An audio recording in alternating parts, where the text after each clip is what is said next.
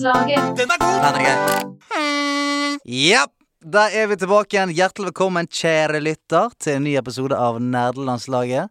Med meg i en Fallout-T-skjorte, en eh, hund, i den veldig svettevennlige fargen grå, sitter Andreas Hedemann.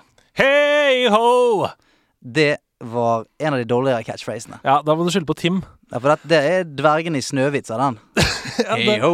det er Tim som Ja, hei ho i capslock. Jeg okay. vet ikke om hvordan han ville at jeg skulle si det. Om det skulle være hei ho, eller om det skulle være hei ho. Eller Ja, hva om skulle det var. Metallica eller eh, dvergene i, Ja, i. Snøhvit. Hea! Hea! Ho! Ja, vet ikke. Du, godt å se deg. Takk det samme. Jeg har savna deg. Det er, Det er koselig å se deg igjen. En uke Ja, for lenge. Ja, det er det.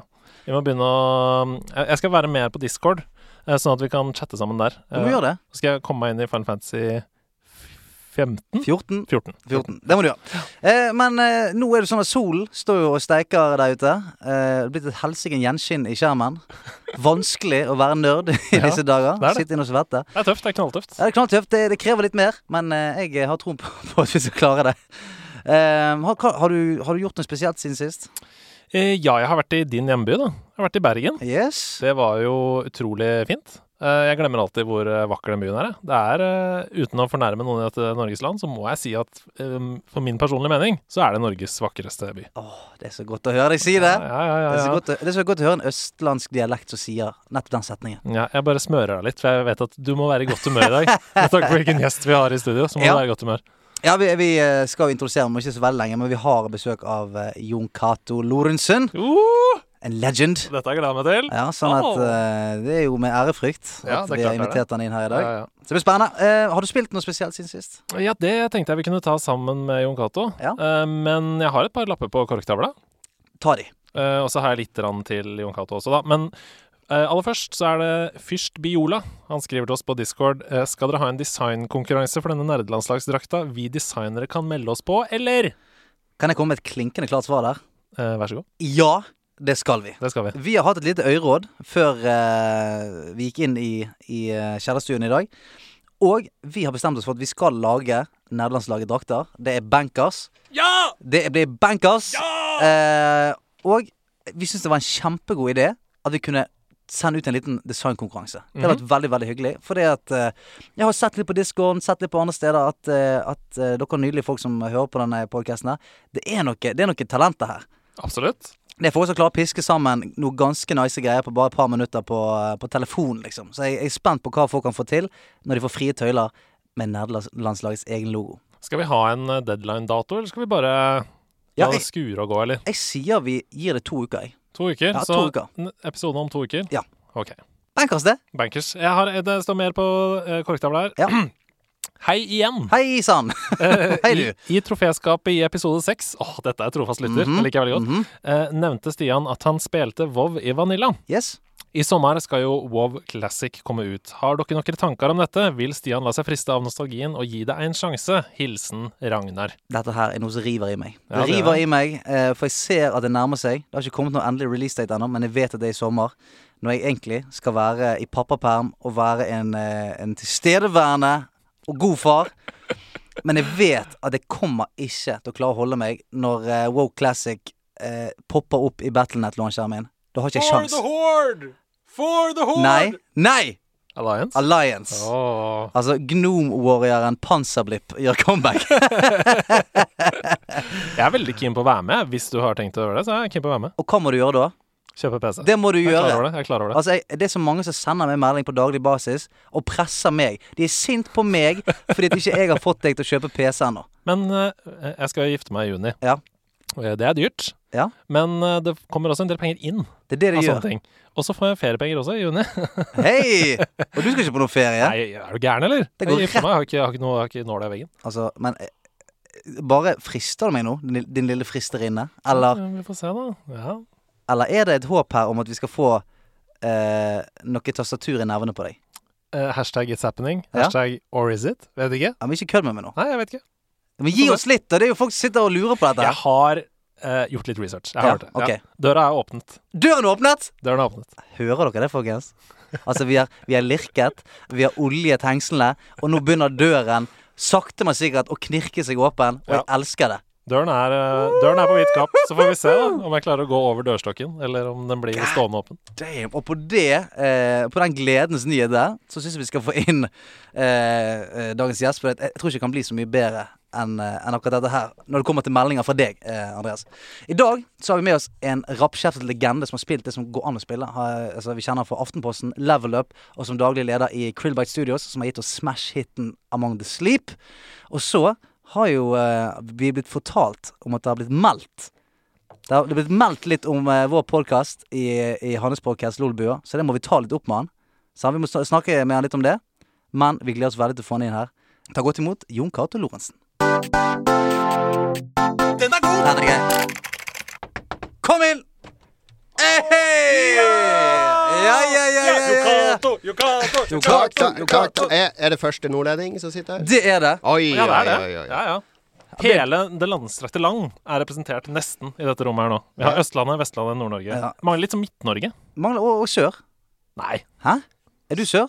Eh, nei, men jeg har aner. Ja, ok, det teller ikke. Aner teller ikke. Uh, Velkommen, Jon Cato. Takk, takk, takk. Godt å Veldig se deg. hyggelig. Veldig hyggelig. Jeg Veldig varmt. Det er varmt her inne. I kjellerstua her, ja. Det er veldig, veldig varmt. Vi, eh, vi holder uh, vinduene lukket for å bevare stemningen og de deilige luktene som er unike for dette rommet. Sweet. Ja. Nei, veldig hyggelig å bli invitert. Det er godt å ha deg her. Du, hvor lenge har du spilt spill? For jeg vet at du, du har vært borti det meste av spill. Jeg så, jeg er jo født i 72, så jeg har jo fortsatt minne av at jeg så en pongmaskin på hurtigbåten fra Harstad til Tromsø. Wow. Det var liksom noe jeg ikke skjønte noe av. Men jeg har jo, jeg har jo spilt siden spillene kom. Altså fikk Commodore 64 på starten av 80-tallet. Eh, men det som virkelig fanga interessen min, var jo når jeg oppdaga spillblader. Altså jeg begynte å lese om spill, Mm. Fordi da leste jeg om alle spillene jeg ikke hadde. Og du vet åssen det er, alt du ikke har, er alltid bedre enn det du har. Så det, det å bruke hodet og fantasere om alle disse fantastiske spillene som eksisterte, var, var, var det som jeg ble oppslukt av. Og sikkert derfor jeg begynte å skrive om spill òg. Altså, du har jo spilt spill før det het spill. Det heter bare leik når du uh, Ja, når jeg spilte Jeg husker vi hadde et sånt TV-program som heter Halv sju da Ja, jeg var liten. stemmer Så det. var liksom ungdommens TV-program halv syv hver lørdag. Så var det to voksne mennesker som satt og lagde ungdoms-TV. Halla, kids! og de hadde en hel, hel episode hadde de via til hvor farlig disse dataspillene var. Altså disse arkadespillene med hvordan vi ble hjernevaska og bare putta mynter på en kasse. Eh, til og med Tramteatret hadde jo et, show om Audun Automat, som prøvde å sette ut spilleautomater i hele byen for å hjernevaske ungdom og sånn. Så det var ganske mye motstand mot dataspill da jeg vokste opp. Oh, vi har kommet eh, ganske langt siden den tid. Ja, vi har det. Men altså, det er jo ikke så lenge siden det fremdeles var eh, motstand. Ikke? Altså, jeg føler at det har vært, eh, vært en slags sånn motstand fram til i hvert fall for sånn fem år siden. Mm, mm. Det er det fortsatt. Jeg har tre barn, ikke sant. Og i FAU-møter på skolen, skal jeg ikke si hvilke barn det her gjelder, så er det sånn Skjermtid, eh, datatid, Fortnite Det er sånn Det kommer ikke inn i vårt hjem. Her er det kun spilling én time på lørdag. Ja. Det er det vårt barn får. Og det er, det er litt, litt løsere regler hjemme hos meg, kan du si. Ja, ja, For én time om dagen det er på grensen til barnemishandling. Én time i u uka snakker vi om. Ja. Men hvilken nasjonal avis var det som var ute nå og meldte at uh, dataspill ødelegger kondisjonen og den fysiske formen til alle Det ungdommer? var vel en kommentar i Bergens Tidende. Det, Ja. det er en hel haug av disse sportskommentatorene som nå ser e-sport som vokser veldig Mm. Raskt. Og da skjønner jo de at hvis vi skal slippe e-sport inn i vår redaksjon, så får jo vi, vi mindre spalteplass. Så det er jo egentlig de som er livredde for denne nye generasjonen med, med spill og publikum og sporter som kommer som nå, bruker alle argumenter for liksom å, å prøve å demme opp. Ja, og heldigvis så tror jeg den bølgen er for stor til at noen demning klarer å holde den. Jeg tror den, den Heldigvis så kommer den e-sportbølgen med full kraft innover land. Og det er jeg så veldig, veldig glad for. Og spillbølgen generelt. Jeg må, jeg må bare si at jeg, jeg er litt starstruck. Bare for jeg sitter her og hører denne stemmen i, i headsetet mitt, som jeg har hørt så mange ganger! På podcaster, på TV-programmer, på alt mulig. Så det, det er en eh, stor ære å, å få lov til det, altså. Ja, det er godt å se. For du, du er som en liten fotballgutt som møter, møter Beckham for første gang. ja, ja. ja. Oi, oi, oi, oi, oi, ja, ja. Ja, det er godt. Men så, hva, hva er det hva er det spillet som har betydd for deg eh, opp igjennom? Eh, som jeg sa, det var det når jeg begynte å lese om spill og skjønne ting bak spill, hvordan spill ble til, eh, hvem som lagde spillene, spillmusikk. Alt det her var jo en sånn kjempeviktig del av min barndom og oppvekst. Jeg var jo med i Amiga-gruppe der vi lagde demoer og bygde nettverk. Vi prøvde å lage spill, eh, og jeg hadde en drøm om å lage spill, men jeg fant jo fort ut at jeg var flinkere til å formidle ting om spill enn å spille spill. Så eh, når jeg begynte Jeg jobba på Akersmik i en periode, som var en sånn legendarisk butikk i, i Oslo. Eh, der jeg møtte en masse folk som starta et spillblad, og så fikk jeg jobb i det spillbladet, og så balla det på seg. Så jeg, had, jeg fant ut at den eneste hemmeligheten med å være frilanser og skrive om spill, det var å levere til deadline. Fordi ni av ti gjorde ikke det. Hvis, hvis du var han ene som gjorde det, så fikk du førstepri på alle storspill og alt som var viktig å skrive om. Men så, du, du, du er født i 72, sier du. Ja. Altså, var det, har det vært noen eh, tidspunkt på veien der du tenkte sånn Nei, faen, nå er jeg for gammel til dette. Eller har de tankene liksom hjemsøkt deg litt? Det har vært mange ganger jeg har vært litt lei av spill, men nå er det jo ikke sånn Når jeg skrev om spill, så spilte jeg mye spill på dagtid. Altså Det var jo en del av arbeidet å kombinere det å spille og tolke, skrive om det, skrive kommentarer.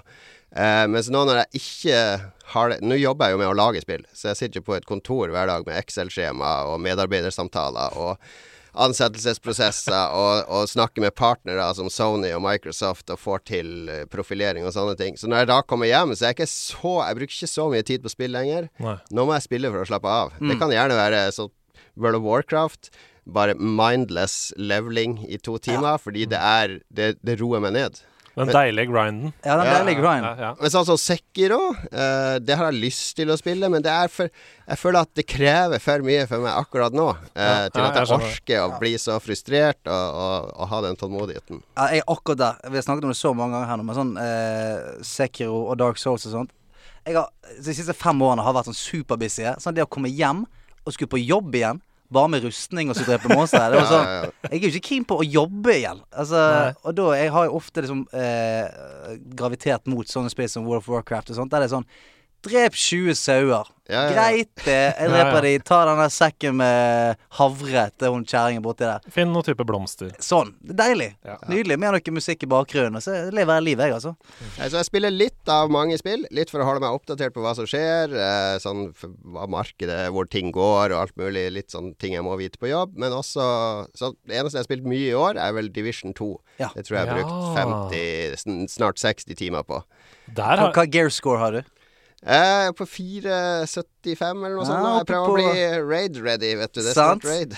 Oppe på eh, eh, Hva er dette? World Tier 5, kanskje? Ja, det er den aner et slags kjærlighetsforhold her nå. Det Altså, er, det- eh, ja. det er, for det er noen i dette rommet her, uh, annet enn Jon Cato, som også har brukt en del timer i The Division 2. Jeg har brukt noen timer på Division, men det har vært sånn ensom eh, Det har vært noen ensomme timer. For jeg har prøvd å rekruttere, Ja. men ingen av mine nærmeste venner som gidder å starte. Ja. Så jeg går nå bare rundt omkring i Washington der alene og snakker med noen franskmenn og, og drev Vi har en, eh, vi har en i Lolbua der er det nemlig 40 stykk, og der er det flere som prøver å bli klar til raidet. For det raidet krever åtte personer. Ja, ja. Det er ganske mye til å være sånn type spill. Det er liksom seks i Destiny, og det er vanskelig å få Mm. til. Ja, Det var helt umulig for meg. det Jeg fikk ikke raida noe særlig i Destiny. For jeg Nei, hadde bare nettopp. tre stykker som jeg kunne raide sammen med. Og da måtte vi teame opp med masse folk som vi ikke kjente, og så uh, funka ikke det. Og så var det noen som bare hoppa utfor kanten, og du vet, du vet de tingene der. Ja. går ikke. det går ikke Nei, vi håper å få det til på Hvis du er interessert, Stia, så er det bare å sende melding, så Er dette en offisiell invite? Invite til eh, både klan og raid når det Oi, oi, oi. Jeg må, komme, jeg må hjem nå, jeg, faktisk. Jeg må, jeg, jeg må bli raid-ready. Da tar jeg resten av sendingen, og så tar vi det derfra.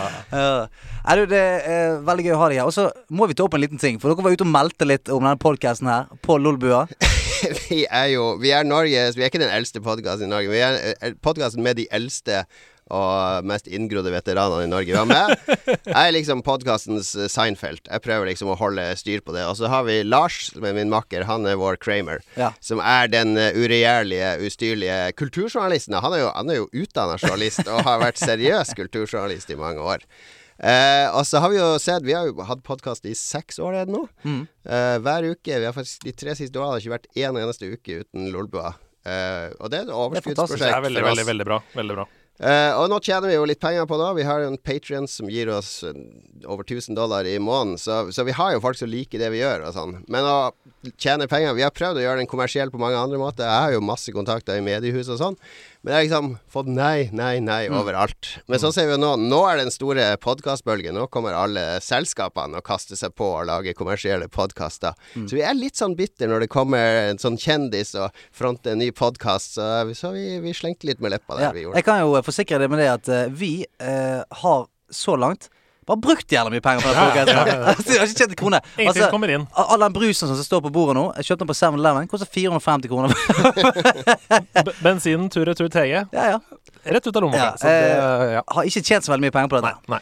Ja, nei, men sånn holdt vi på. Vi dro jo på etere for egen regning og sånne ja. ting, og lagde ting. Men det var jo bare For oss så er det litt sånn Det kommer mange podkaster hele tida, men vi var liksom sånn eh, Kom tilbake når du har 100 episoder. Så får vi se om du er Ja, ja. Når du er ferdig med å prate om barndommen din, og favorittkonsollen din, og favorittspillene dine, altså i episode 10-12 Får vi se, hva, hva er det mer da? Har du begynt å gå tom, eller? Ja, altså, challenge accepted her nå. Altså, jeg, eh, Vi, ja, vi skal på tresifra. Er du gal? Selvfølgelig skal vi det. Selvfølgelig skal vi på tresifret.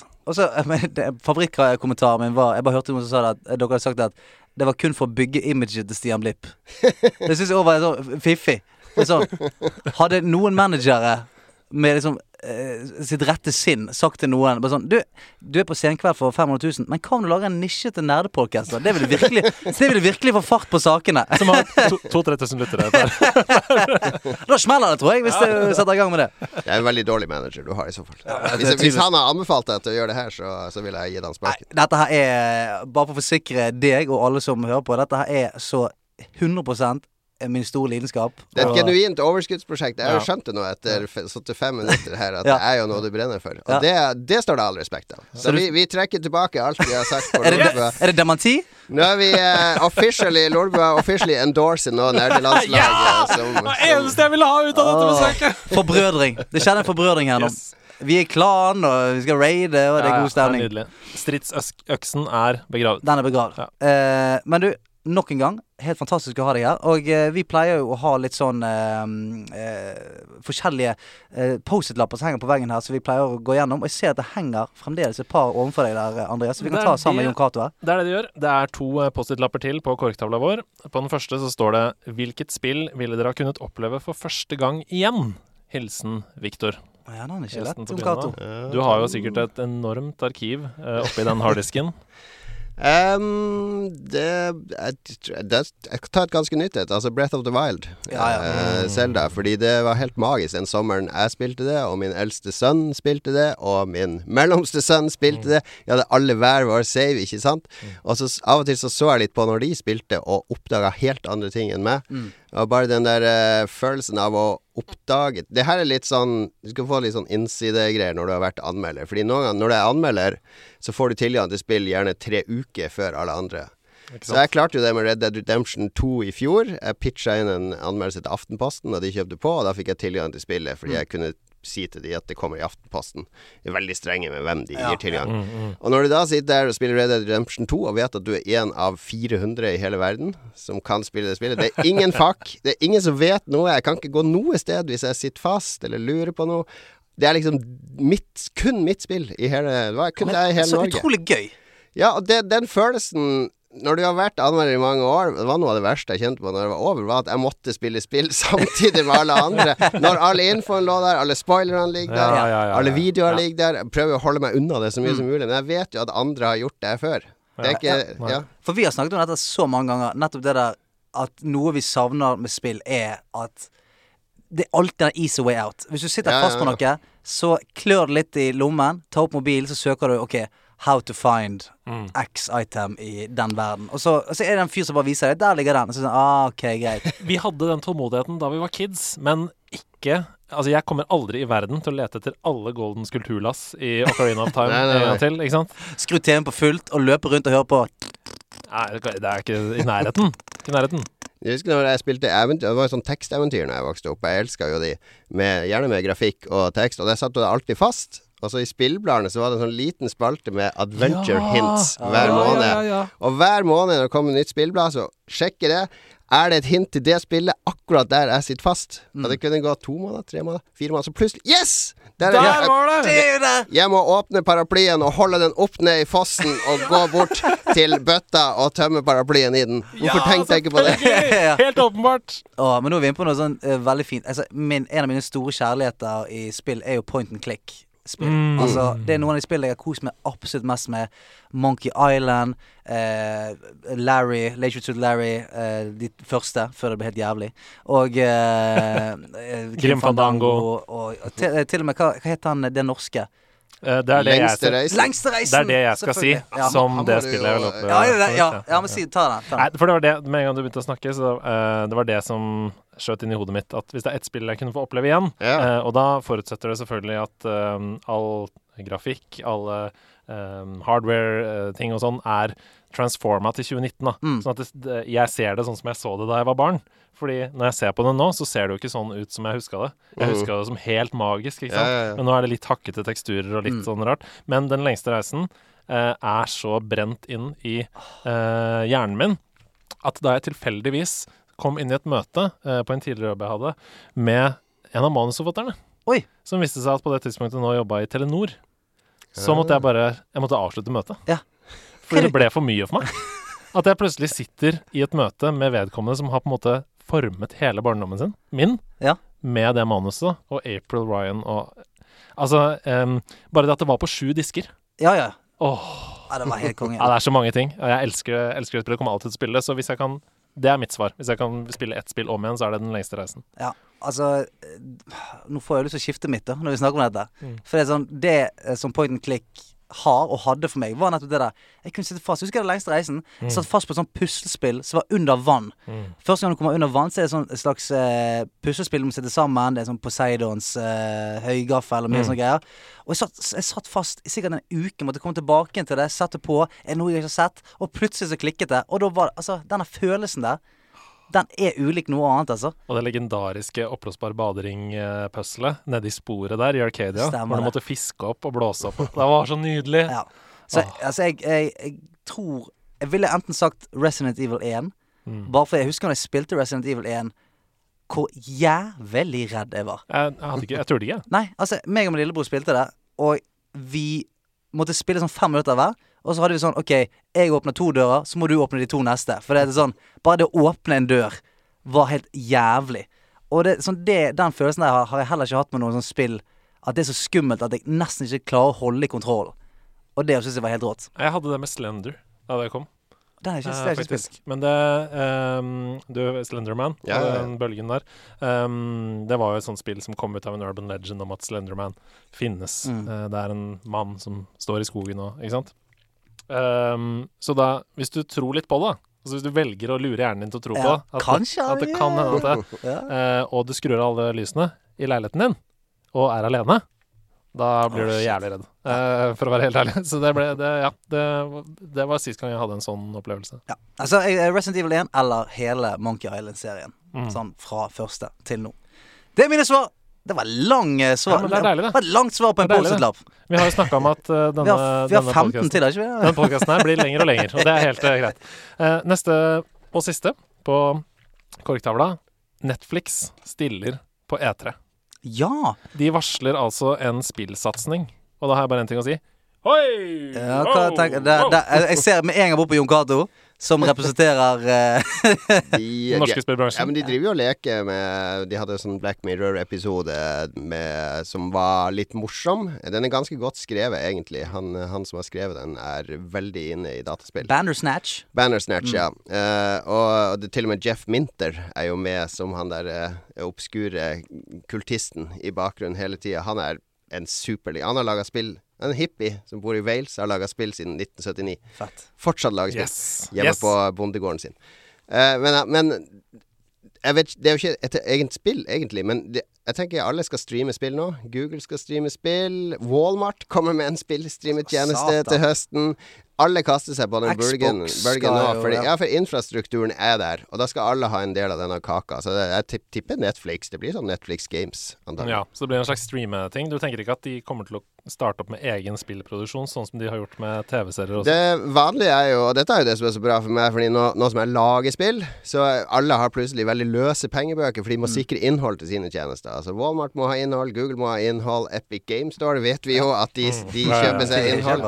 Eh, så for meg som spillprodusent så er det bare gode nyheter at alle kommer. Uh, men uh, Netflix har jo en infrastruktur som fungerer for film, og de har et navn som fungerer, så jeg tror jo de står sterkere enn mange til å få det her til. Jeg syns irriterer meg med flere spillplattformer, er sånn Jeg er jo en Jeg har et sånn fucket hode som elsker å se progress. Mm. Så jeg, sånn, hvis jeg er i Steam-launcheren, så er jeg en fyr som samler på achievements. Eh, om, jeg er på, om jeg er på Uplay, så er jeg også kommet høyest level der. Altså Uansett hvor jeg er, så er jeg også å se den jeg går framover. Og nå er det så mange plattformer at jeg er sånn Altså, jeg, Jeg vurderer liksom av og til på sånn Det er dyrere der, men jeg vil også kjøpe det på den andre launcheren for å Mm. kunne få mer sånne jævla Ubisoft ja, ja. cash. Noen burde lage en sånn eh, API som samler alt det der til nye progresjoner og Ja, sånn. ja, ja, ja, Please! ja, ja, ja, ja, gjør ja. det. Aha, jeg sikler. Ja, ja. Ja, jeg er den sikle-emojien nå, ser du? Ja, ja, ja.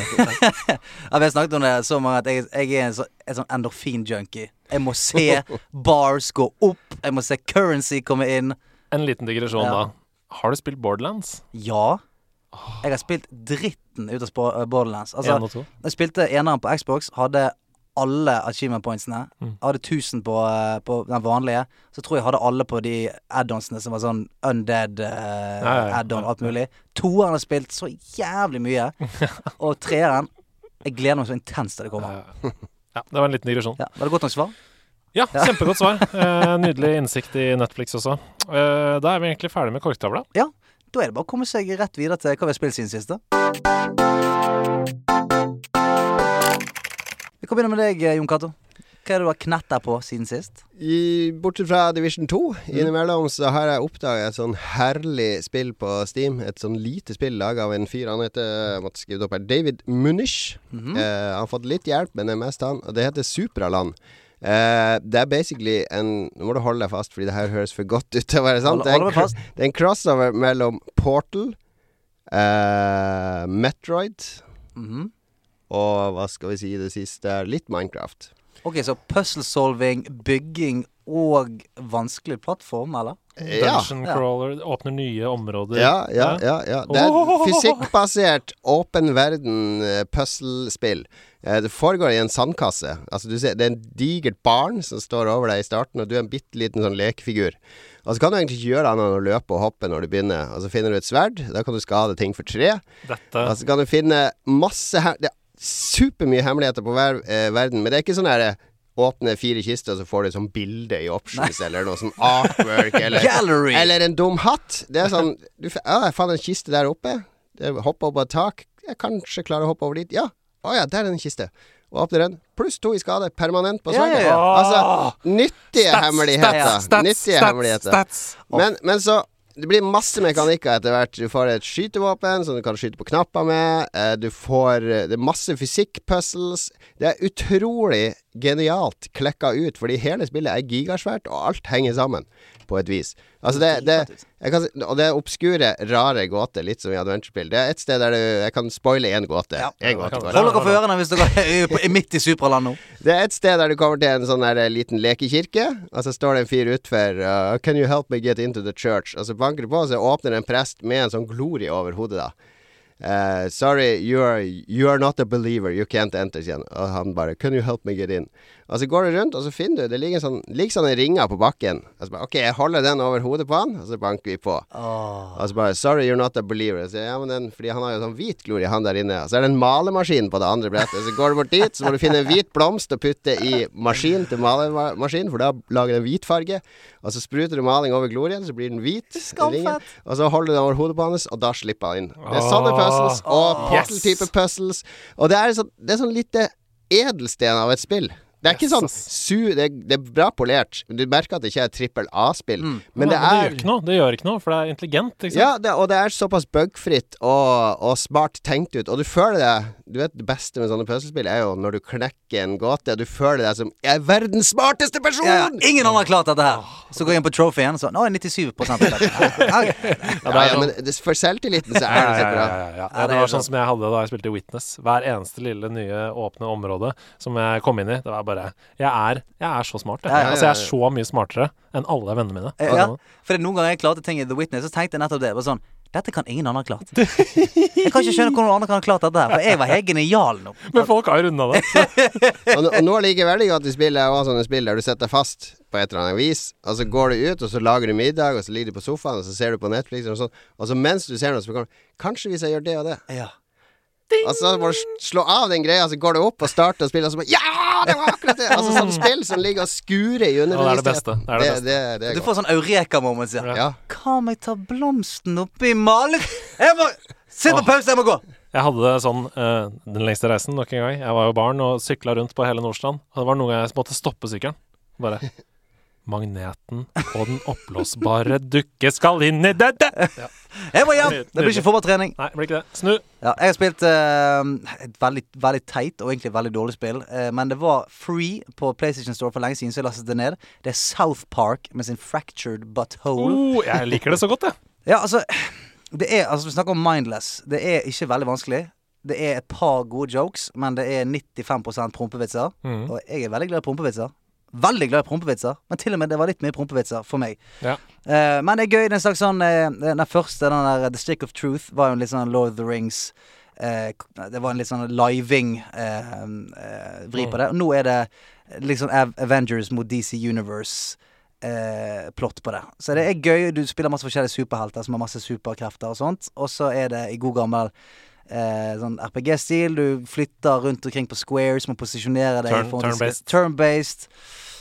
Så det har noen gøye fights der. At det har noen gøye bossfights, uten tvil. Eh, som gjør at eh, du må tenke litt, og faktisk ligge noen strategi. Mm. Men de fleste sånn eh, random encountersene, der er det Ja, du fiser på noen flammer. Ja, så det, er kjempe, det er kjempelett. Men ja, kjempe. jeg likte faktisk oppfølgeren bedre enn uh, The Stick of Truth. Gjorde det? Ja, jeg, likte oppfølgeren bedre. Um, kanskje fordi det var enda litt mer polert, på en måte. Altså, det var ikke så Nei, jeg bare likte det bedre. Men, men jeg er jo en veldig RPG-nerd, da. Uh, det jeg sto mellom i hodet mitt da jeg sa uh, spillet jeg ville ha spilt om igjen, var enten Oblivion oh. eller eh, eller Den lengste reisen. Jeg er veldig veldig glad i RPG, og, jeg, og, og jeg, det trenger ikke være så bra for min del.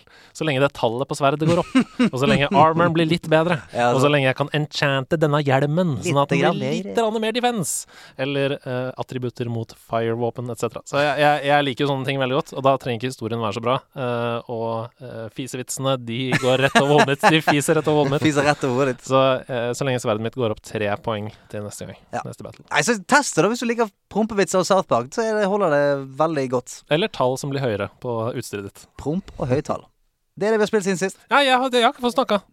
Jeg har ikke fått snakka noe. du, har snakket, du har snakket nok. Nei, jeg har snakka minst alle. Okay. Har ikke du sagt noe? Nei, jeg har ikke sagt noe. Du har sagt masse. Men jeg kan si det veldig fort. Ja. For i forrige episode snakka vi jo om uh, online-tjenesten til Nintendo, Switch. Ja, ja. Um, så jeg fikk litt sånn vann på mølla på det. Um, jeg hadde glemt litt hvor bra den egentlig er. Jeg syns jo den er veldig bra. Uh, så jeg var i Bergen med jobben, som vi har snakka om, og da var det perfekt å dra med seg Switchen. Mhm. Så vi var tre stykker som bodde i samme Airbnb-leilighet, uh, og som satt i timevis utover natta og spilte Super Mario 3. Bam, badam, Super Mario 3. Bam, bam. Det er for meg et av de beste plattformspillene som er laget. Altså. Jeg syns det er så bra, jeg. Uh, jeg runder det årlig. Jeg tror jeg runder det årlig. Gjør du det? Ja. Som en liten tradisjon. For jeg har, nå har jeg Snes Mini, så den er lettere nå, på hytta.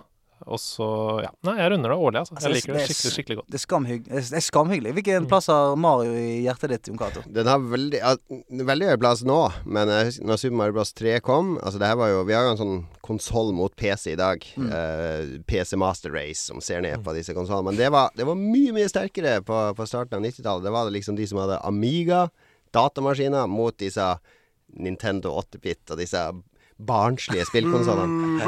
Så jeg husker vi som drev og lagde eh, demoer og sånn, vi bare Vi fnøys av de, denne spillkonsollen. Og så var det lillebroren til en av oss, han hadde jo den. Så hver gang vi var hos han, så endte vi opp med å sitte og spille Super Mario Bros 3. Og så sånn her Uff, for et dårlig spill. Og ja, uff, uff. Satt vi i ti timer. Uff. Det, åh. Ah, Mens vi egentlig satt Hvorfor har vi ikke dette på Amiga? Det var ingen Ja, plattformspill på Amiga som var så bra som det spillet. Det er et helt genialt spill med så mange hemmeligheter og triks og identitet i alle verdener. Nå i dag, Mario Odyssey er jo et av mine favorittspill de siste fem årene. Helt fantastisk. Tenk, tenk at vi hadde gjest her, Martin Lepperød, som sa Super Mario Odyssey er dårlig. Skuffa. Et av de dårligste spillene han har spilt. ja, men han sa, jo, han sa jo at alt var dårlig. Ja, han Det det. han likte ingen spill. Han likte ingen spill. Han likte ingen, ingen spill. Han Han var, den, han var i den edgy gamer-fasen. Alle, alle går igjennom den en eller annen gang i livet. Han har spilt tre spill. Jeg hater alle. Ja, ja, ja, ja. Ingen spill er god nok for meg. Ok, Men da kan jeg være trygg si at Nå skal du få lov til å gå videre. det er det vi har spilt siden sist. Uh, da er fighting gloves på. Oh. Ørene mine er fininnstilt. Det er tid for å skru opp lyden. Og denne gangen så er jeg, jeg er livredd, Andreas. Ja, det skjønner jeg godt. Jeg er livredd. Du sitter med en som har spilt det som går an å spille siden eh, 1972, var det Ja. det? Altså, Omtrent. han kunne, han kunne hørt lyden av monopol. Ja, ja. Hvordan er lyden av Monopol? Det er uh, litt sånn terning. Altså, en som sier 'fy faen, for et drittspill!' Ja. Du kan ikke ha hotell der! Det er lyden av monopol. Ja, ok, men Skal vi eh, bare rive av plasteret og komme i gang? Hva er dagens tema? Er det noe tema? Er det en twist? Hva Ja, som det er det det er. Og eh, jeg har jo liksom prøvd Ja, altså jeg har prøvd mitt beste. eh, det har jo vært litt ujevnt i denne konkurransen noen ganger. eh, for jeg har ikke vært like god på å identifisere styrkene og svakhetene til gjestene før konkurransen har vært i gang. Eh, men i dag så har jeg prøvd å jevne ut så godt som mulig ved å si at dagens tema for musikkquizen er water levels. Oh, Det er et godt tema. Water levels Oh, er, altså, eh, er altså Så det er um, alle, alle konsoller, all PC, alt er med i quizen. Eh, det eneste dere må tenke på, er at det er en water level fra mm. en bane. Ok, men eh, Så riktig svar er spillet, eller må man ja, riktig svar er spillet. Okay. Spillet er riktig svar. Og da er det jo sånn i denne quizen at man roper ut navnet sitt når man vet hva det er. Så da får dere altså Oh, første oppgave i headsetet. Er dere klare? Ja. Mm.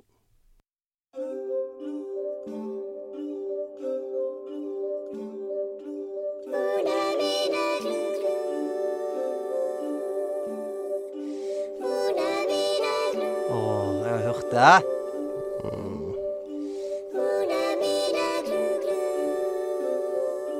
Og nå er det mange som river seg i håret. Ja. Vil dere ha hint? Jeg prøver meg. Stian. Å, fy flate, jeg har hørt det tusen ganger. Yoshi eh, World. Det er ikke Yoshi World. Da er du dessverre, er du dessverre ute. Jeg sitter meg bak her, da. Ja, da kan du bruke så lang tid du vil, Jon Cato, på å lytte og, og tenke, høre Nei, jeg på, høre Jeg på det. språket. Å, jeg vekker det. Jeg vekker det.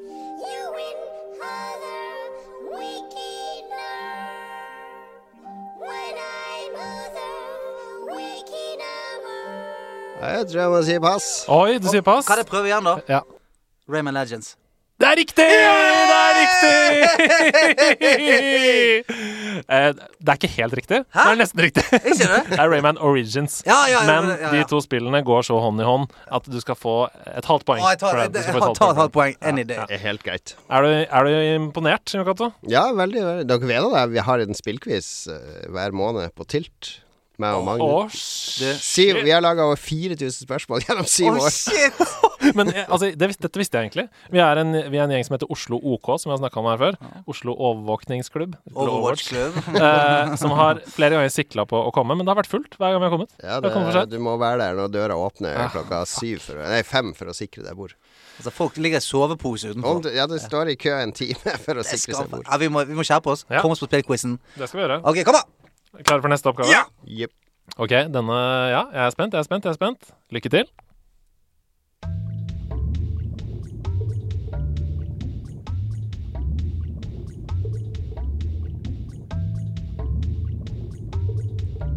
Stian. Uh, Zelda Ocarina Nei, Majoras Mask. Det er det ikke. Oh. Eh, jeg tror eh, et veldig stort hint kommer nå, i neste fasen, så nå Så kan du bruke tid tid, Jon Så bra at jeg begynte Ja, nå. ja.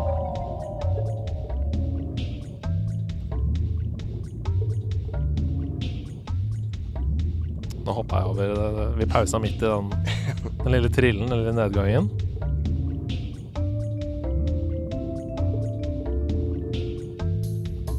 Nei, dette er skuffende, folkens. Ja, det er helt blank. Det er, er dårlig reklame for quizen her.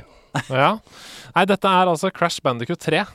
Er det det? Ja, Ja. det hadde ikke jeg klart. Og den er det ding, ding, ding, ding, ding, ding, ding, nedgangen som avslører litt, da, syns jeg. men det er, så, det er så lenge siden. Ja, altså, Crash Bandicoot 3 Det tok jeg aldri opp igjen etter at jeg spilte det da jeg var liten.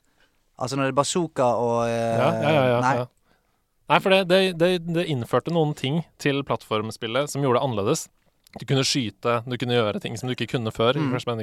Likte det ikke så godt. Nei. Har du noe forhold til Crash Bandicoot-serien? Spilte det først Men på denne tida var det jo Nintendo mot PlayStation mot uh, Sega.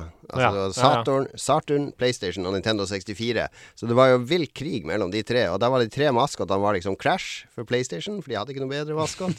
Sega hadde ikke Sonic, men Knights, og Nintendo hadde Mario 64. Og det Mm. var så det, de, Mario bare kjørte over Crash i mine øyne, så det var så vidt jeg spilte Crash. Ja, det sier jeg meg enig i. Ok, vi, det er fortsatt bare et halvt poeng, null, i denne quizen. Um, vi går videre. Det intensiverer seg nå. Okay. Nå må dere være klare med mentometerknappene, som de sier på lineær TV. Stian! Det meg først? Skal vi ha en slags eh, fotofinish på hvem det var? Fordi det var Stein, saks, papir. Ja! Å, Stian vinner med pose mot stein. Jeg Ja. burde kommentert live der. Ja, ja, altså Stein, saks, papir. Veldig dårlig radioformat men veldig bra for å, å oppklare disputter. OK, det er Super Mario World. Det er riktig. Det er svømming fra Super Mario World. Legendarisk eh, musikk. Veldig gjenkjennelig. Ja. Jeg har en sånn, jeg har en sånn gypsy jazz-versjon av den låten som jeg bruker å spille på quizen. Gypsy Jazz. Sånn. Det funker veldig bra med på øyet på sigøynergitar. Så hvis du spiller sigøynergitar der ute, så er det bare å ta den fram og lære seg sangen. Det merker jeg at jeg er keen på å høre live. Ja. Eh, hvis det er mulig. Ja. OK, er dere klare? Vi Ja. går videre. Ja. Dette er ikke ferdig, skjønner du. Eh, langt derifra. Okay. Neste oppgave kommer her.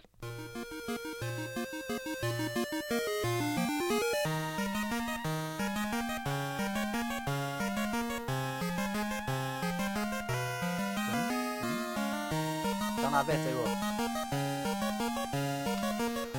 Water levels det er, har vist seg å være veldig utfordrende. Det er, Ja. det er fullstendig stillhet fra de to deltakerne. Stian.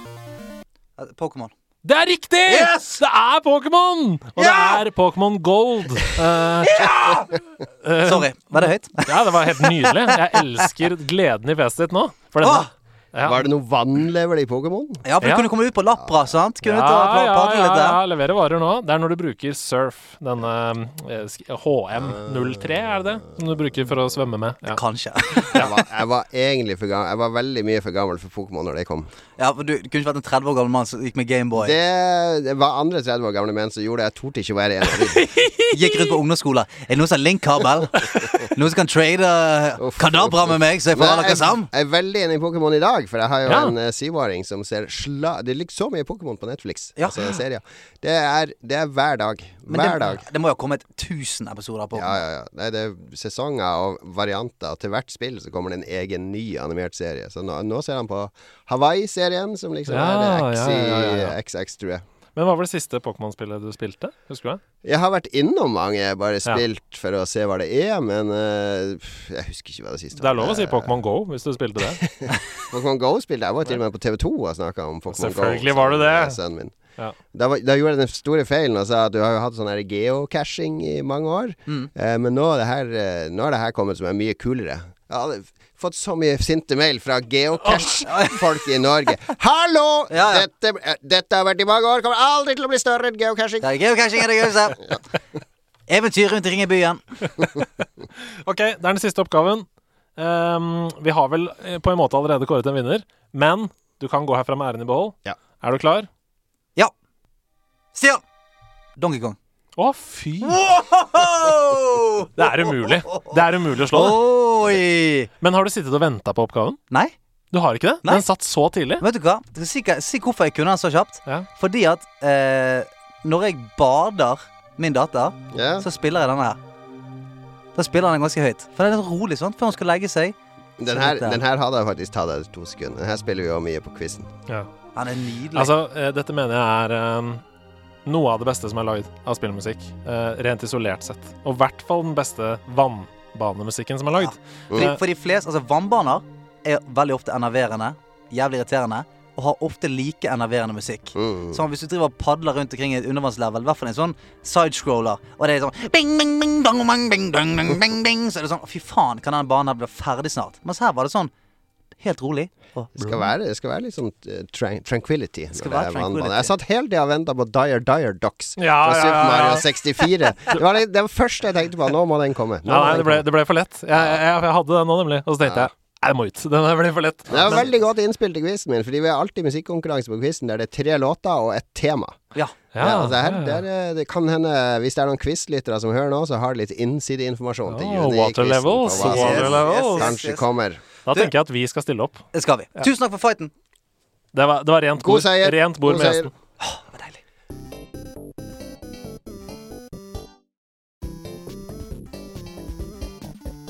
Da føler jeg at uh, den eh, gleden som jeg føler nå ved seier, den er kortlevd.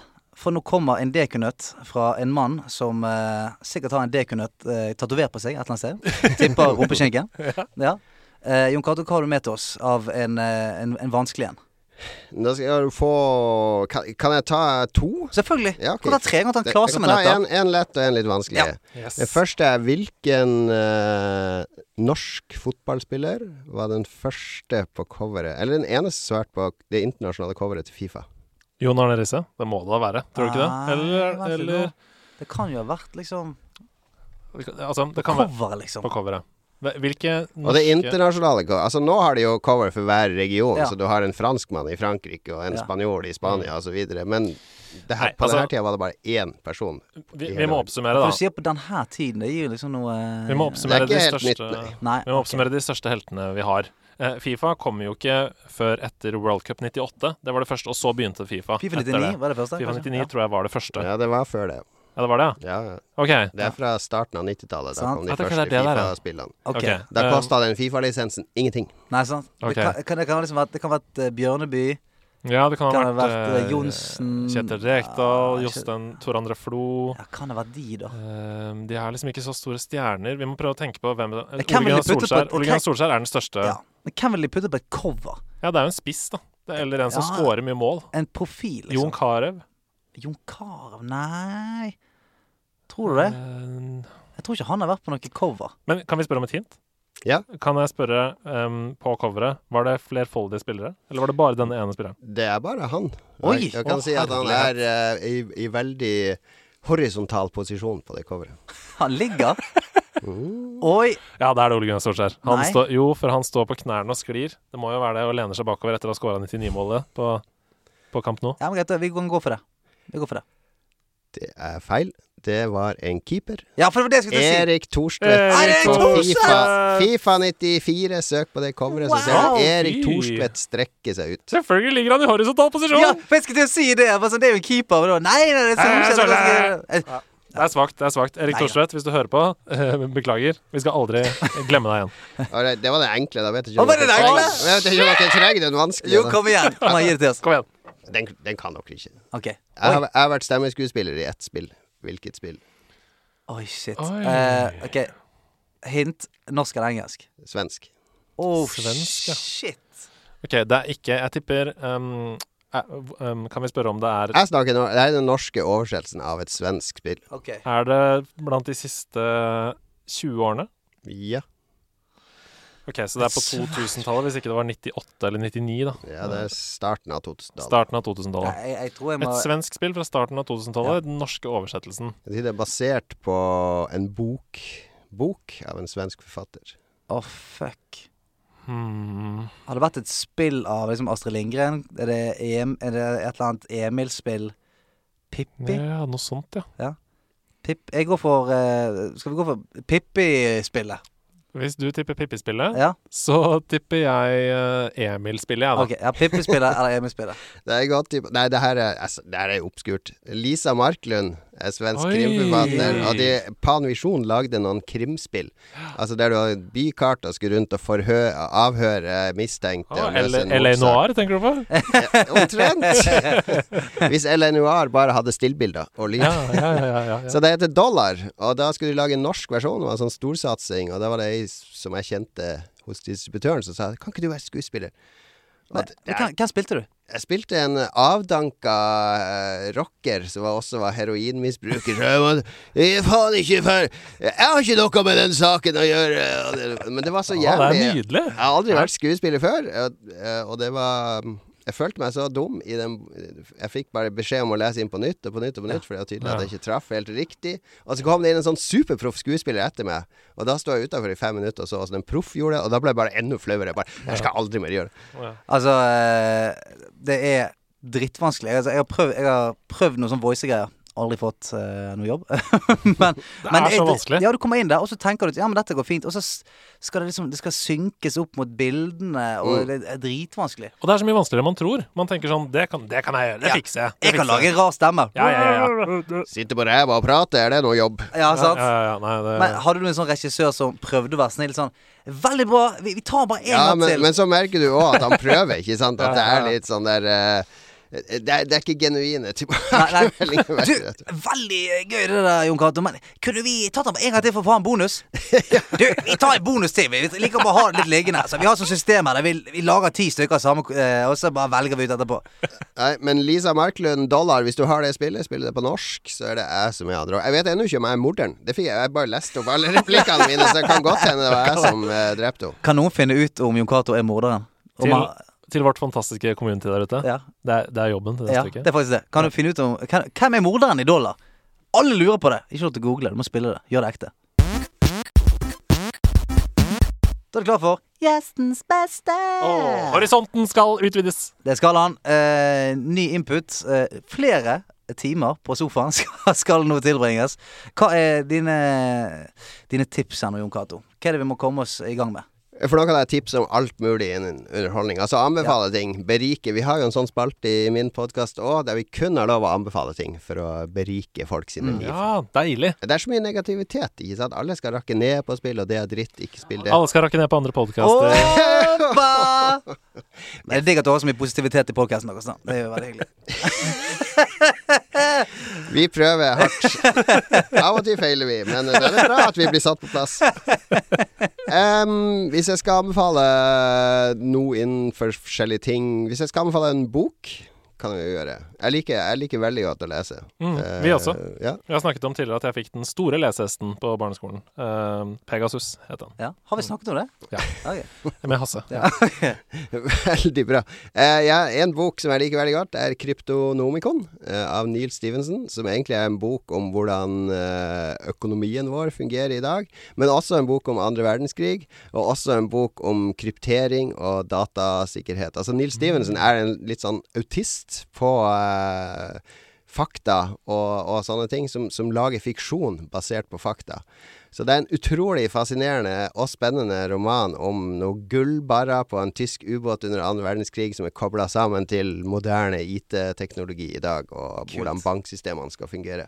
Kommer du ut av det med en litt sånn eh, magisk følelse, eller har du litt vondt i hodet etter du er ferdig å lese? Nei, den er ganske lettlest. Eh, altså, han har en annen bok som også er veldig bra, som heter Seven Eves, som handler om at eh, månen plutselig splittes i syv. Altså det er en meteor som treffer den, og sånn, så den går i syv biter. Og det som all det som skjer da, er at de begynner å skilles fra hverandre og knuse hverandre enda mer og mer og mer, helt til de bare blir små partikler som da kommer til å regne inn i atmosfæren på jorda, øke temperaturen her med 300 grader og drepe alt liv.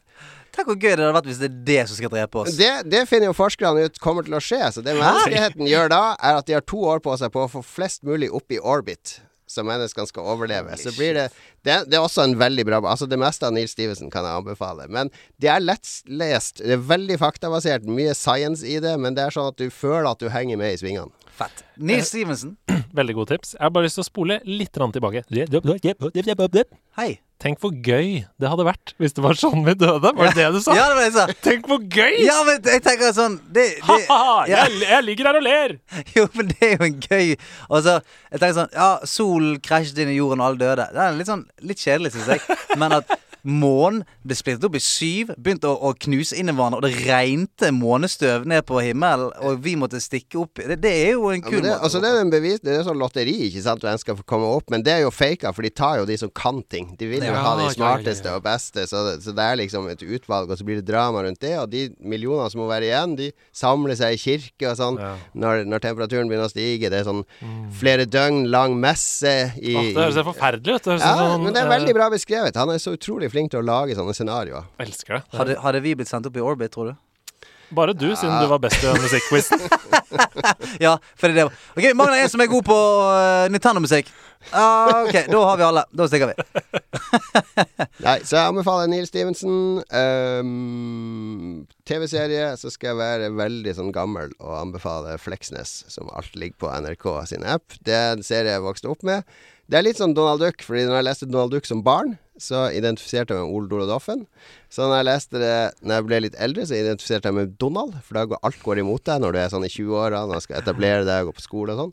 Og så nå identifiserer jeg meg litt mer med onkel Skrue. Nå er jeg etablert, jeg har god jobb. Jeg jeg bader har- de penger! jeg driter i det. ikke akkurat det, men, men Donald er sånn som du kan lese i flere faser og mm, se er fra forskjellige sant. er steder. Og Fleksnes har også vært sånn fra meg da jeg var liten. Jeg syntes han der tjukke mannen var så morsom.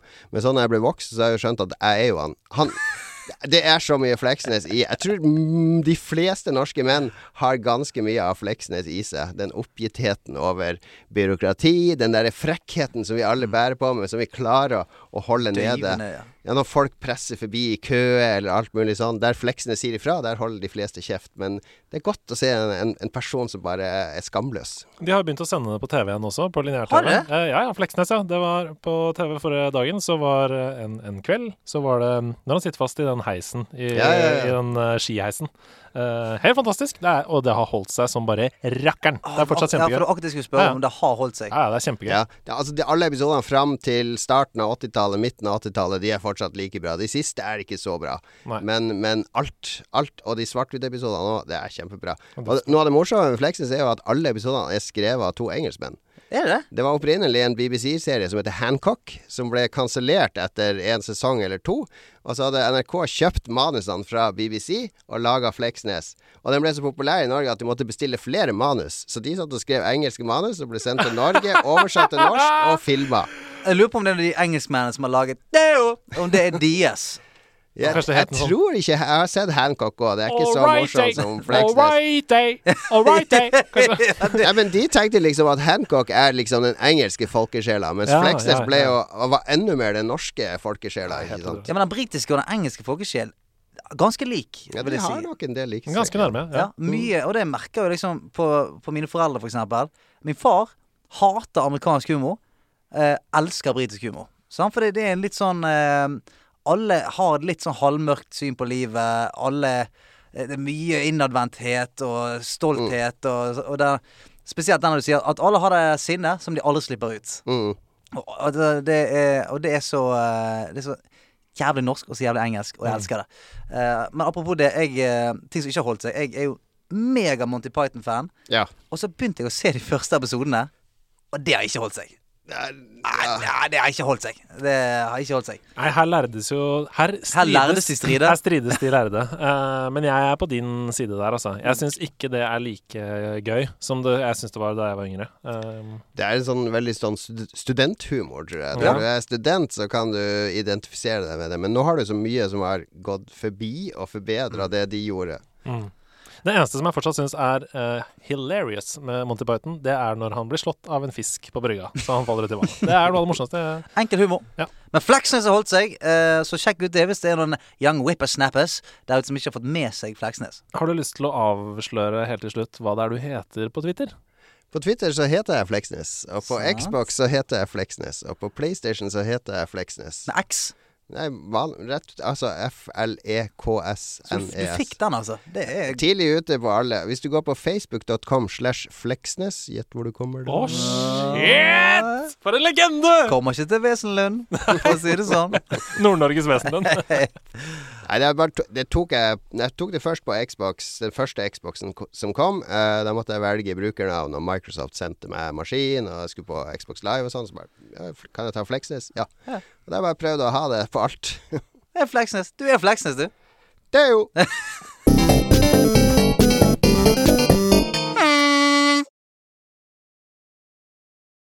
Stearinlysene er tent. Sitter en liten, uh, liten mann i hjørnet og spiller uh, gitar. Stemningen er til å ta og føle på. Det er tid for troféskapet. Og eh, nå er det sikkert mange av lytterne våre som vet hva dette er. Men jeg sier en gang til. Dette her er eh, vår måte å sende litt kjærlighet eh, til et gammelt minne om et spill eller eh, noe som helst i nerdiverset som har betydd noe for oss. Eh, og putte det inn i troféskapet, sånn at det står der og skinner for eh, all evig tid. Og hva har du med deg i dag? Ja, det får du snart eh, vite. Jeg har eh, lyst til at jeg skal få full oppmerksomhet når jeg kommer dit. Men um, Jon Cato, har du noen sånne Hvis du tenker tilbake på noen sånne opplevelser som står ut. da. Uh, og det trenger ikke å være et spill. Det kan være, Vi har for her snakket om tidligere eh, den følelsen av å se på andre spille. Mm. Eh, eller et community, eksempel. Det har vi også hyllet der. Har du noen sånne ting som står ut for deg da, med spill? Ja, ganske mye. Men sånn nå i nyere tid etter jeg begynte å lage spill, altså vi er jo ti stykk i Krillbite der jeg jobber, og vi lager et ganske kunstnerisk spill som kommer nå. Og første gang jeg hadde det med på messe, og lot andre spille det, så det, jeg har sjelden vært så nervøs. Fordi det er så mye som kan breake, eller de gjør så mye dumme ting. De gjør, det er bare det å få spilleren til å gå dit du vil, og gjøre det du vil, og se det du vil, oppdage det du vil at han skal oppdage. Så det å stå på folk spille, se på folk spille noe du har laga, det er, det er noe av det rareste jeg har vært med oh, på. For jeg har vært på andre sida så mange ganger. Vært på messe og spilt og spilt og spilt andre sine spill. Og bare hoppa og, og prøvd å Ikke prøve å breake de, men bare det, er, det er sikkert en bug hvis jeg klarer å komme meg opp hit, eller noe sånt. Og, og der, nå har jeg jo skjønt at nå, da står jo utvikleren bak meg og sier 'herregud, for en fuckings idiot'. Fuckings. Fuck deg hvis du Fuck deg hvis du breaker det spillet. Hvorfor, hvorfor prøver du å hoppe ned fra hustaket ned i en liten skrent som du kanskje ikke kommer deg opp av? Bare for, å ødelegge livet mitt! Ja, nei, det, det, det, er, det var en følelse som var veldig Jeg hadde ikke trodd det skulle bli så eh, Få sånn hjertebank og sånn, bare av å se på folk Ja, men- spillet mitt. For dere jobber vel helt intenst lenge og mye med et sånt spill? Jeg har jobba snart fire år på det nye spillet. Det kommer nå til høsten. Og det er uh, Og det er også når de har spilt det, så tar jeg fra de kontrolleren, og så er det sånn Hei, eh, og likte du det sånn de, Og noen er bare sånn Yeah, it was good. It was fine. De fleste er jo høflige og sånn. Men så er det noen som sier sånn Man, that last scene I, it, That was my life. It really resonated with me. Bla, bla, bla. Og da blir det litt shit, sånn det betyr oh, mye. Ja, det, det er gøy å høre. Mister pusten litt, nesten. Ja. Ja, for du viser ikke folk bare et spill. Du viser dem de fire siste årene dine en visjon og en følelse. Et, ja, et verk som du, du har mye av deg sjøl inni. Ja, ja, ja, ja. Og du kan ikke det er, det er ikke så lett som med film, der du kan bruke testpublikum, eller du kan uh, være flere manusforfattere som går over og, og finskrive det, sånn at vi vet at det her kommer til å treffe, de kommer til å skjønne karakteren sitt valg og sånne ting. Det er så mye mer prøving og feiling i spill, fordi med en gang det blir interaktivt, så veit du ikke helt hva spilleren kommer til å gjøre. Shit, ass. Greit. Da er det tid for Andreas Hedemann. Du virker eh, usedvanlig fokusert og, og litt sånn følelsesmessig ladet i dag. Ja, det stemmer. Ja. Jeg svetter i henda. Jeg er ja. Jeg skal ikke holde deg på pinebenken lenger. Vi kjører. Hiv deg inn i det. Hvis man er heldig, kan man noen ganger i løpet av livet få oppleve kulturuttrykk. Historier som setter varige, uslettelige spor. Som griper tak i deg og nekter å slippe før du bevisst eller ubevisst har vært nødt til å reflektere over hva det vil si å leve. Som forteller deg en historie så ekte, så menneskelig, så god og så vond at det nesten virker urealistisk, utenkelig og tomt når man vender tilbake til virkeligheten og historien er over. Jeg fikk oppleve dette på en livsfarlig reise gjennom USA, gjennom øynene til Joel, Ellie og alle de som har stått bak min sterkeste spillopplevelse noensinne, The Last of Us. Jeg visste ikke hva jeg skulle forvente da jeg startet The Last of Us for første gang. Jeg hadde sett et par trailere, og jeg likte godt det jeg så, men at spillet skulle forandre livet mitt, det var umulig for meg å forutse. Jeg spilte gjennom historien sammen med Trygve, Truls, Anders og Stian, og vi greide ikke å tenke på annet i perioden vi spilte det. The Last of Us tok pusten fra oss.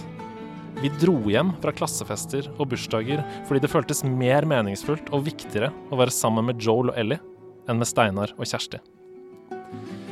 Jeg har ikke tenkt å snakke om det fantastiske gameplayet, om craftingen, om mangelen på ressurser, om snikingen og skytingen. Jeg har lyst til å snakke om hovedspørsmålet som spillet stilte.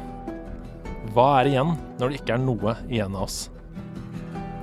Når alle behovene og ønskene og drømmene som gjør oss til mennesker, er revet bort, og det eneste som er igjen, er den instinktive kraften for overlevelse. The Last of Us fortalte en historie om en virkelighet som er så vanskelig å akseptere på egen hånd at menneskene som står i den, er avhengig av å ha noen å dele den med for ikke å miste den siste biten av seg selv. En umulig virkelighet hvor båndene mellom oss blir så sterke at rettferdighetssansen og moralen legges til side. En virkelighet hvor de eneste som overlever, er egoistene. De som setter til side det de innerst inne vet er det rette for å sørge for sin egen overlevelse. Og etter hvert som vi i vennegjengen knyttet tettere og tettere bånd til Joel og Ellie, så ble vi besatt av den samme tanken. Vi gjorde alt for deres overlevelse. Det var det eneste som sto i hodet vårt. De må overleve. De må. Og parallelt med at båndet mellom oss og dem ble sterkere, så satte Joel og Ellie oss i stadig tøffere valg som spillere, og tvang oss til å rettferdiggjøre verre og verre handlinger, fordi vi tross alt var the good guys. Vi jobbet jo for alles beste. Eller Når vi i løpet av spillets siste timer får slengt stadig tydeligere beviser for at det er vi som faktisk saboterer menneskeheten, at det er vi og våre rettferdiggjorte valg som setter menneskeheten i fare, så begynner en tydelig sannhet å åpenbare seg. Og med spillets avsluttende dialog så er det ikke lenger noen tvil om at dette er noe helt spesielt. Dette er et mesterverk. I struggled for a long time with surviving. And you. No matter what, you keep finding something to fight for. Now, I know that's not what you want to hear right now. Swear though, to me. Swear to me that everything that you've said about the Fireflies is true. I swear.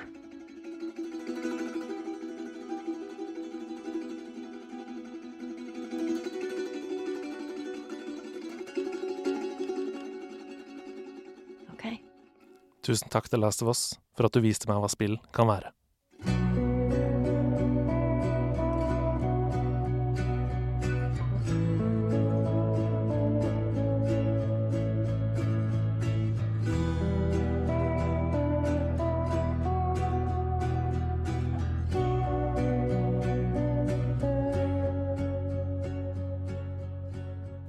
Da har i hvert fall jeg begynt å komme meg litt grann, etter eh, den der. Tok en liten tur rundt kvartalet. Jeg tok en liten tur i kvartalet. Tenkte på uh, Hvem er vi egentlig? Men uh, du regner med du er veldig uh, redd, tror jeg, og spent for toeren? Ja, absolutt. Um, jeg gleder meg jo selvfølgelig veldig, men jeg er litt redd for at de skal gå i den samme Tomb Raider-fella. For da, da de reboota Tomb Raider, The Rise of the Tomb Raider, tror jeg det het, Mm. så var det en ærlig og flott og vakker historie om en eh, mangefasettert karakter som sleit med å ta livet av folk, og som sleit med eh, å løse oppgaver, og var eh, desperat og ensom og alene. Mens oppfølgeren til det igjen var bare et voldsbonanza uten Mm. noe mening. Eh, så jeg er litt redd for det. At det skal bare bli sånn Kill them all! Er sant? Det er jeg litt redd for. For det, Nå får du bazooka. Hæ? Ja, for det er sånn- bazooka? hver eneste, hvert eneste drap da, i The Last of Us er så tungt, liksom. Og det, er, det er bare noe man gjør fordi man må, ikke fordi det er gøy. Uh, og hvis man mister den, mister den følelsen, så føler jeg at man mister mye av det spillet. Altså, eh, uten sammenligning for øvrig, for det har ikke, har ikke med følelsen i spillet å gjøre, men jeg husker tilbake til Resident Evil-serien, da. Når femmeren kom, jeg vet ikke om noen husker det. Femmeren, det var, var ikke noe igjen av den suspensen og den skrekken og den, den lydleggingen. Altså, lyddesignet på de spillene er jo helt fantastisk, for det, Mm. altså Bare lyden av en bestefarklokke som tikker, og klikking over gulv. Altså, jeg klarte ikke jeg, jeg måtte kaste fra meg kontroll av og til. Men så femmeren var bare sånn Vi er i Afrika! Her har du en AK, og det kommer 700 zombier. Så var det du bare gikk rundt og faen bare nadet folk og uh, sprengte drit. Det var, så, Ja, det var ingenting igjen av det. Bare tull. Feil. Ja, feil skjerm. Feil skjerm. Det er tid for uh, litt spillklubb. Klubben er samlet. Ja, ja, ja, ja. ja. Ja, ja, ja. Det har jo vært eh, Vi har jo hatt en liten pause. Mhm. Rett og slett. eh, For vi blir jo faen fattige av det. det vi er ikke så heldige som deg, Jon Cato, som får tilsendt eh, spill. Det får ikke det lenge, men dere har jo bygd dere opp nå. Det er bare å ta Jeg kan gi dere noen kontaktadresse, så skal du se at det ramler inn kode oh. i postkassa. Ok, Ja, ja, det hadde var deilig. vi, vi har gått på noen smeller de siste de ukene. Da har vi sagt sånn Ja, vi spiller alle de nye Switch-spillene, da. Oi, de koster 700 kroner. Eh, Ja, ja. ja. Da blir det ikke brød denne måneden. Nei, det blir ikke brød denne Nei, måten. men det går bra. Ja. Kjære, det blir ikke mat til ungen i denne uken heller. Men vi har Yoshi's of World, da, hvis du vil underholdning. Eh, så vi te- tenkte, fram til eh, kodene fra Jon Catos eh, Pasi renner inn, så eh, vil vi gjerne fortsette med spillklubben eh, framover, selvfølgelig. For vi koser oss veldig med det. Oppdager nye spill, koser oss med spill vi kanskje ellers ikke hadde testet. Eh, sånn som eksempel Dark Souls. Jeg spilte i hele fire timer, for jeg holdt på å knuse alt inventaret i huset mitt. Men vi oppfordrer jo eh, eh, nå dere til å sende inn eh, forslag til spill eh, som vi kan teste i spillklubben. Eh, og vi har noen kriterier nå, ref eh, det vi sa nå nettopp. Eh, de må koste rundt omkring 100 kroner. Ja. Eh, 100-150 kroner i den gaten der. Og det er alltid eh, masse bra tilbud på masse bra spill fra Ja. de siste 10-15 årene. Ja så bare kjør på. Og så eh, regner jeg med det som, eh, som du nevnte, Jon Cato. Eh, Supraland, ja, det ligger på 120-130. Ja. Perfekt. sant? nå Rundt i den gaten der. Ja. Så det trenger ikke være et trippel A. Eh, Collectors Edition-spill med sverd eh, og sånt som vi må kjøpe. Eh, så det er mm, et av kriteriene. Det andre er at man må ha, få en, sånn, en viss fil av det på rundt fem timer. For det har vært eh, forslag som f.eks. Ark Survival. Som man vet at Etter fem timer så har man klart å lage en underbukse av palmer. Det er det man har fått til. Og da er det ikke så mye å snakke om. Og sånn, ja, jeg, faen, jeg drepte slanger. Jeg, jeg klarte å lage en uh, turban av slangeskinn. Eller som uh, Final Fantasy 14, hvor du fortsatt er i uh, tutorials etter Ja. fem timer. Ja, det er litt sånn. Der òg er det sånn. Jeg har nettopp fått slåss mot noen steiner med øyne. Det er det jeg har fått gjøre nå. Så det blir en liten uke til med pause, og så er vi tilbake igjen med spill eh, som dere har sendt inn. Det gleder vi oss veldig til. Åh, det blir deilig.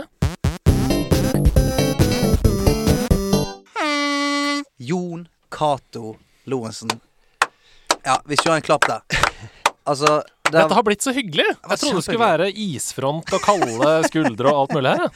Ikke det hele tatt. Det, men det er akkurat som i spillverden. Vet du. Det er mange som hater hverandre i Overwatch og andre online-spill, men med en gang man møtes ansikt til ansikt, så er det sånn ah, OK. ok. var. Dialog. Dialog. Kommunikasjon. Nei, men Det har vært en sann eh, glede, og ikke minst ære, å ha deg her. Eh, vi er jo to stykker som har fulgt veldig godt med på deg, og som syns du er en nydelig fyr.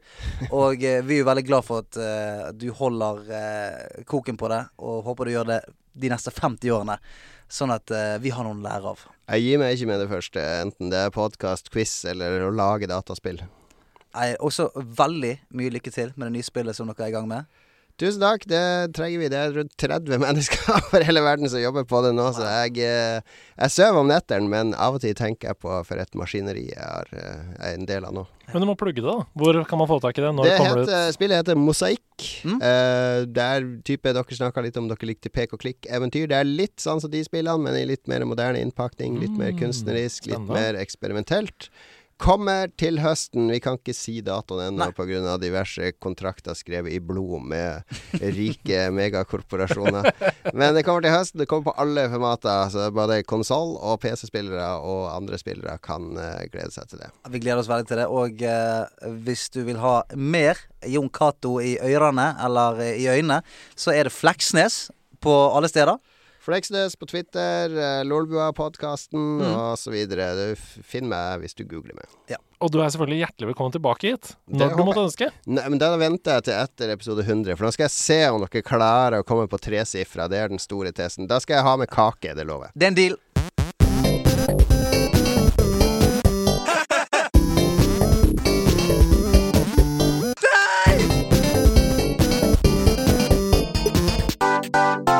Nordlandslaget. Den er god! Den er gøy. Hmm.